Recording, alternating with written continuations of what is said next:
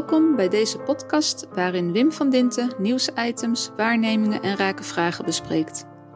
Veel zaken worden pas echt interessant als je dieper graaft en daar kom je altijd een laag van betekenisgeving tegen. In de podcast van deze week hoor je het audiospoor van de vlog van Wim van Dinten, waarin hij met veel voorbeelden laat zien dat politici, programmamakers en leiders van organisaties steeds meer uitgaan van eigen belang. Zij verkopen dat als groen of algemeen belang en daarin is integriteit en ethiek ver te zoeken.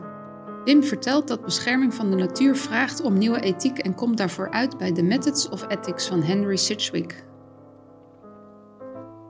Ja, goedemorgen. Donderdag 22 april. Een vlog. En deze week werd het mij eigenlijk wel ja, opgedrongen waar ik het over zou moeten hebben.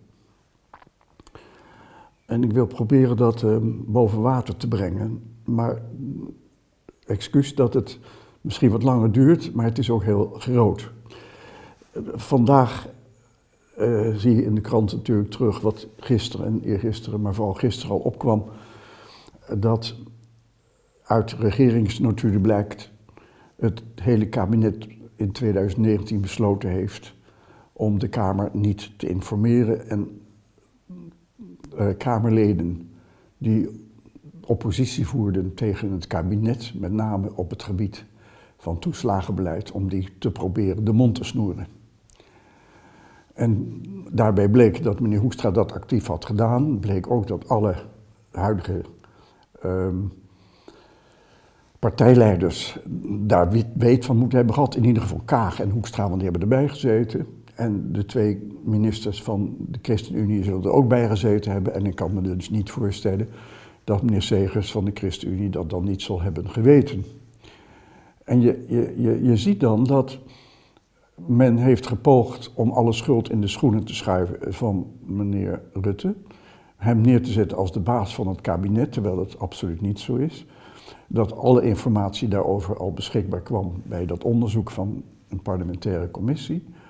Maar dat in de aanloop naar een nieuw kabinet mevrouw Kaag en de heer Hoekstra een motie van treurnis indiende tegen Rutte, terwijl ze er notabene zelf hebben bijgezeten en er één minister is geweest in dat kabinet die de vraag heeft gesteld of dit wel wettelijk um, aanvaardbaar was. En nu is er dan de rel dat degene die een motie van treurnis indiende, dat die dus er zelf bij gezeten hebben en er niets van hebben gezegd. En je ziet dezelfde omlopende bewegingen als, als je dat bij Rutte zag. En de kernvraag die dan geleidelijk aan opkomt is, bestaat ethiek nog dan?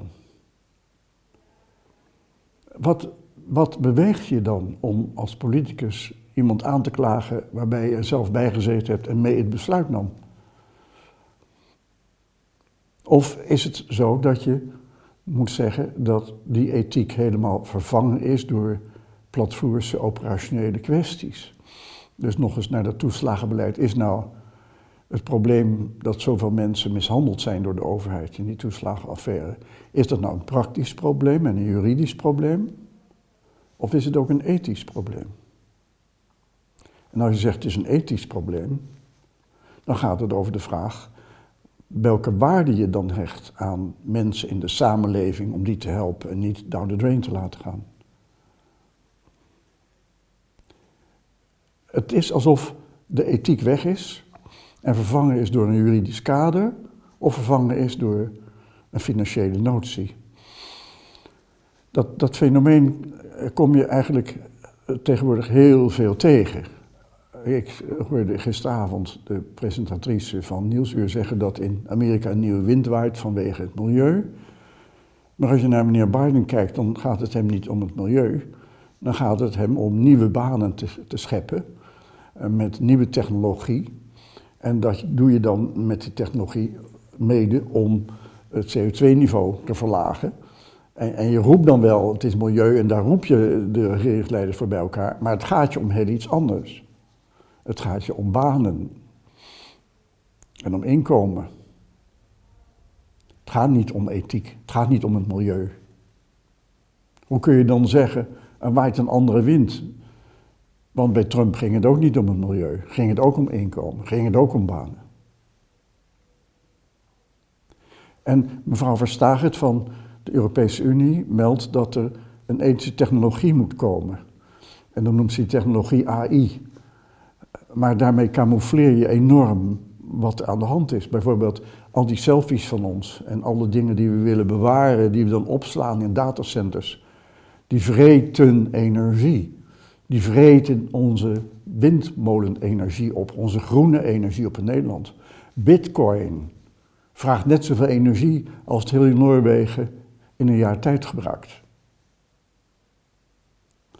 Het is niet waar dat technologie die je noteert in termen van wat het voor mensen betekent, de enige mate ding is. Als je zegt dat milieu belangrijk is en duurzaamheid belangrijk is, dan is het de vraag of je een toetsend kader kunt ontwikkelen om maatregelen die mensen bedenken daar tegen te houden. Of gaat het alleen om geld?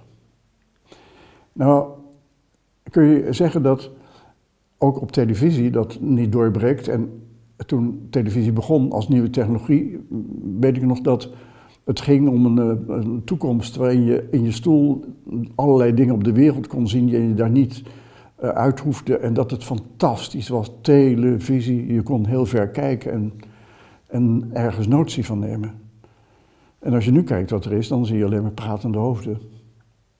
En is er entertainment en alles is entertainment. En degenen die er zitten hebben allemaal een belang erbij om zichzelf te presenteren, maar ook om er inkomen uit te halen. En opnieuw is de vraag, waar is dan de ethiek gebleven om te beoordelen wat je aan het doen bent? Of neem de Super League die deze week opkwam en in twee dagen weer down the drain ging, omdat allerlei mensen opstonden en zeiden, waanzin, dit, dit kan niet waar zijn. Guardiola, de trainer van Manchester City, zei: Ja, ik moet mijn club wel dienen, maar ik vind dat een voetbalcompetitie moet gaan over resultaat en verliezen en winnen. En dat het gaat ook om de mensen die er naar kijken. Het, het is niet een ding op zich. En als je dan keek bij uh, Veronica International, dan zag je meneer Derksen een verhaal afsteken. Dat al die klootzaken die dat riepen, dat die werkelijk niet begrepen wat er aan de hand was. En er zat nog een marketingmeneer die ook alles in geld uitdrukte. En je zag dus in dat programma dat de spraakmakende mensen niet bezig waren met de maatschappelijke functie van het voetbal en hoe dat eruit zag, maar alles ook uitdrukte in geld verdienen. En vanmorgen op BNR ging men in op de aantal doden in Nederland, 600, en dat dat echt omlaag moet, want dat kost 17 miljard. Waar is dan de voorzichtigheid gebleven met het menselijk leven en met het geluk wat daarbij hoort? En opnieuw is dan de vraag, waar is de ethiek gebleven? Er is kennelijk van alles een operationeel probleem gemaakt. Dat, dat, dat begon eigenlijk wat mij betreft al toen meneer Koos in 1937 een artikel publiceerde waar hij ook een Nobelprijs mee heeft verdiend. En dat heette The Nature of the Firm. En dat staat dan bekend als een verhaal waarbij je de kosten om iets voor elkaar te krijgen, transactiekosten, ehm, in rekening brengt. Maar wat deed hij? Hij ging uit van een organisatie en keek dan hoe de kosten van die organisatie om iets voor elkaar te krijgen concurrerend konden zijn met de kosten die je in de samenleving moet maken om hetzelfde voor elkaar te krijgen. En de organisatie stond dus centraal, was het middel om de kosten in de samenleving omlaag te brengen, maar dat werd eigenlijk in de jaren daarna, zeker na de Tweede Wereldoorlog, een verhaal om de kosten van de organisatie omlaag te krijgen en de winsten van die organisatie te verhogen. En je kon ook, als je naar het verhaal keek van meneer Koos, er niet veel anders van maken dan dat hij het had over bedrijven, waarbij de leiding een doel heeft om producten voor te brengen en daar zoveel mogelijk aan te verdienen en uit te gaan van zichzelf. En ook daar, in het hele verhaal van Koos, ja, kun je, van, kun je de ethiek niet terugvinden. Hij heeft nog een artikel geschreven, een heel beroemd artikel, The Problem of Social Cost. En als je daarnaar kijkt, kom je voor hetzelfde te staan, los van de economische overwegingen. Dan zie je dat, zie je dat het milieu daarin absoluut geen rol speelt. Maar het is bij economen wel een, een, een topnummer geworden. Opnieuw is de vraag, waar is ethiek dan gebleven?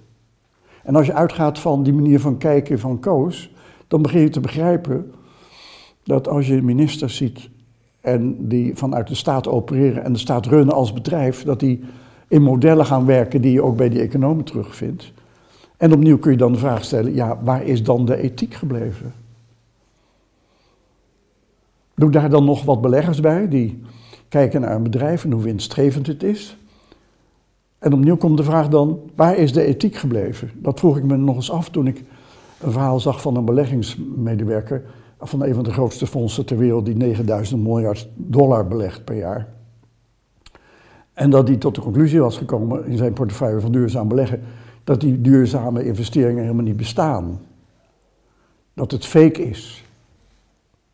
En dat men dat wel roept, maar dat het steeds gaat om winsten en inkomen en rendementen. Opnieuw is dan de vraag, waar is de ethiek gebleven? Is dan alles geoperationaliseerd in praktische oplossingen? Dat je je niet meer afvraagt waar het nou echt om gaat en wat voor ons betekenis heeft. Er is een beroemd boek, maar misschien is dat heel ver weggezakt. En dat heet Methods of Ethics, The Method of Ethics, van Henry uh, Sidgwick. Die man leefde in de 19e eeuw, plaatste zich in het kamp van Bentham en John Stuart Mills, dus een utilitaristisch principe uh, streefde hij na, waarbij je uitgaat van the greatest happiness for the greatest number of people. En in dat boek, dat becommentarieerd is in het begin van de 20e eeuw als het beste boek ooit geschreven op het gebied van ethiek, uh, komt hij aan drie, uh, drie vormen om uh, iets te toetsen. Het eerste is common sense van mensen. Dat wil zeggen dat mensen kijken naar iets in de zin van wat vinden we daar nou van en past dat eigenlijk wel? Dat, dat, dat kunnen ze moeilijk onder woorden brengen, precies, maar het gevoel is: dit, dit deugt niet. Vandaar ook dat woord intuïtisme. En het tweede kader is dan hedonisme. Dat is in zijn manier van kijken. Je gaat uit van jezelf en uh, nou, de rest uh, kan stikken, zal ik maar zeggen. En het derde is dan the greatest happiness for the greatest number of people. Het utilitaristische principe, waarbij je uh, eigenlijk iedere keer kijkt naar of iets iets oplevert voor anderen. En hij, hij beschrijft dat hartstikke methodisch en rationeel. En ik vertel dat omdat niet alleen dat boek door meneer Marshall, de, de, de grote econoom begin van de vorige eeuw, dat noemde als grootste boek, maar ook Keynes uh, ging ervan uit. Maar als je er naar kijkt, dan zie je dat het samenvalt. De, de, die vorm intuïtisme, hedonisme en, en utilitarisme um, samenvalt met onze grondvormen van betekenisgeving. Alleen hij ziet het dan niet als manier van werken, als iets praktisch, maar als een toetsend kader waarmee je iets beoordeelt en kunt zeggen of iets goed of fout is. Het is dus echt een kader voor mensen in de top van organisaties, in overheden en regeringen, om te beoordelen of iets passend is of niet. En als je er zo naar kijkt, en dan kom je terug bij het begin, bij wat er nu gebeurt op het gebied van toeslagenbeleid. En hoe men daar aan het worstelen is in de Kamer met elkaar en met het probleem. Dan zie je dat een ethiek in termen van common sense, zoals Sidgwick dat beschreef, helemaal weg is. Dat dat wat natuurlijk zou behoren te zijn. Dat je uitgaat van elkaar en uitgaat van het geluk van mensen en dat je het daarover hebt en dat je daaraan toetst, weggeraakt is in een vorm van elkaar zwart maken het niet meer hebben over het onderwerp. Er is geen toetsend kader meer over het toeslagenbeleid. Het gaat alleen maar over operationele problematiek, dat die mensen niet goed behandeld zijn. Maar de ethische dimensie, die, als je Sidgwick's termen overneemt, zit in common sense, is weg. Bestaat niet meer. Afwezig. En als dat afwezig is, krijg je ook het probleem wat je voor je ziet, dat dat rustig 10, 20 jaar kan gaan als operationeel probleem. Zeker omdat je je niet herkent dat je een vorm hebt gekozen die er niet bij past. Je zou het nog best uit mogen gaan van een operationeel probleem als je herkent dat je uitgaat van degene die je moet helpen. Dat is dan ook ethisch verantwoord en dat is passend. Maar als je ook je vormen van organiseren niet meer toetst aan die ethiek. En ook niet meer beschikt over het vermogen die vorm toe te passen. Dan blijft alleen maar over een ethiek die laat zien, dit kan niet zo. Dit mag zo niet. Laat dat nou precies datgene zijn waar je een Tweede Kamer op zou willen aanspreken. Dan kan het zijn dat iemand vanuit een religieus perspectief, of vanuit een ander ideaal, of vanuit een praktische overweging herkent dat iets niet klopt. Maar als een Tweede Kamer niet beschikt over een ethiek om naar een regeringsbeleid te kijken op de grondslagen die ik zo even gaf, dan hebben we een Tweede Kamer die monddood is niet alleen, maar ook blind is en, en, en, en haar gehoor kwijt is. En ja, het spijt me voor Cenk Willink, maar daar kun je niet doorheen komen als informateur. Je kunt wel plannen maken, maar het gaat om het gedrag van mensen. Er is zoveel weg. Er is zoveel hypocrisie. Er is zo weinig ethiek. Dat dat kan worden gezien als het grootste probleem van deze tijd. Fijne dag nog.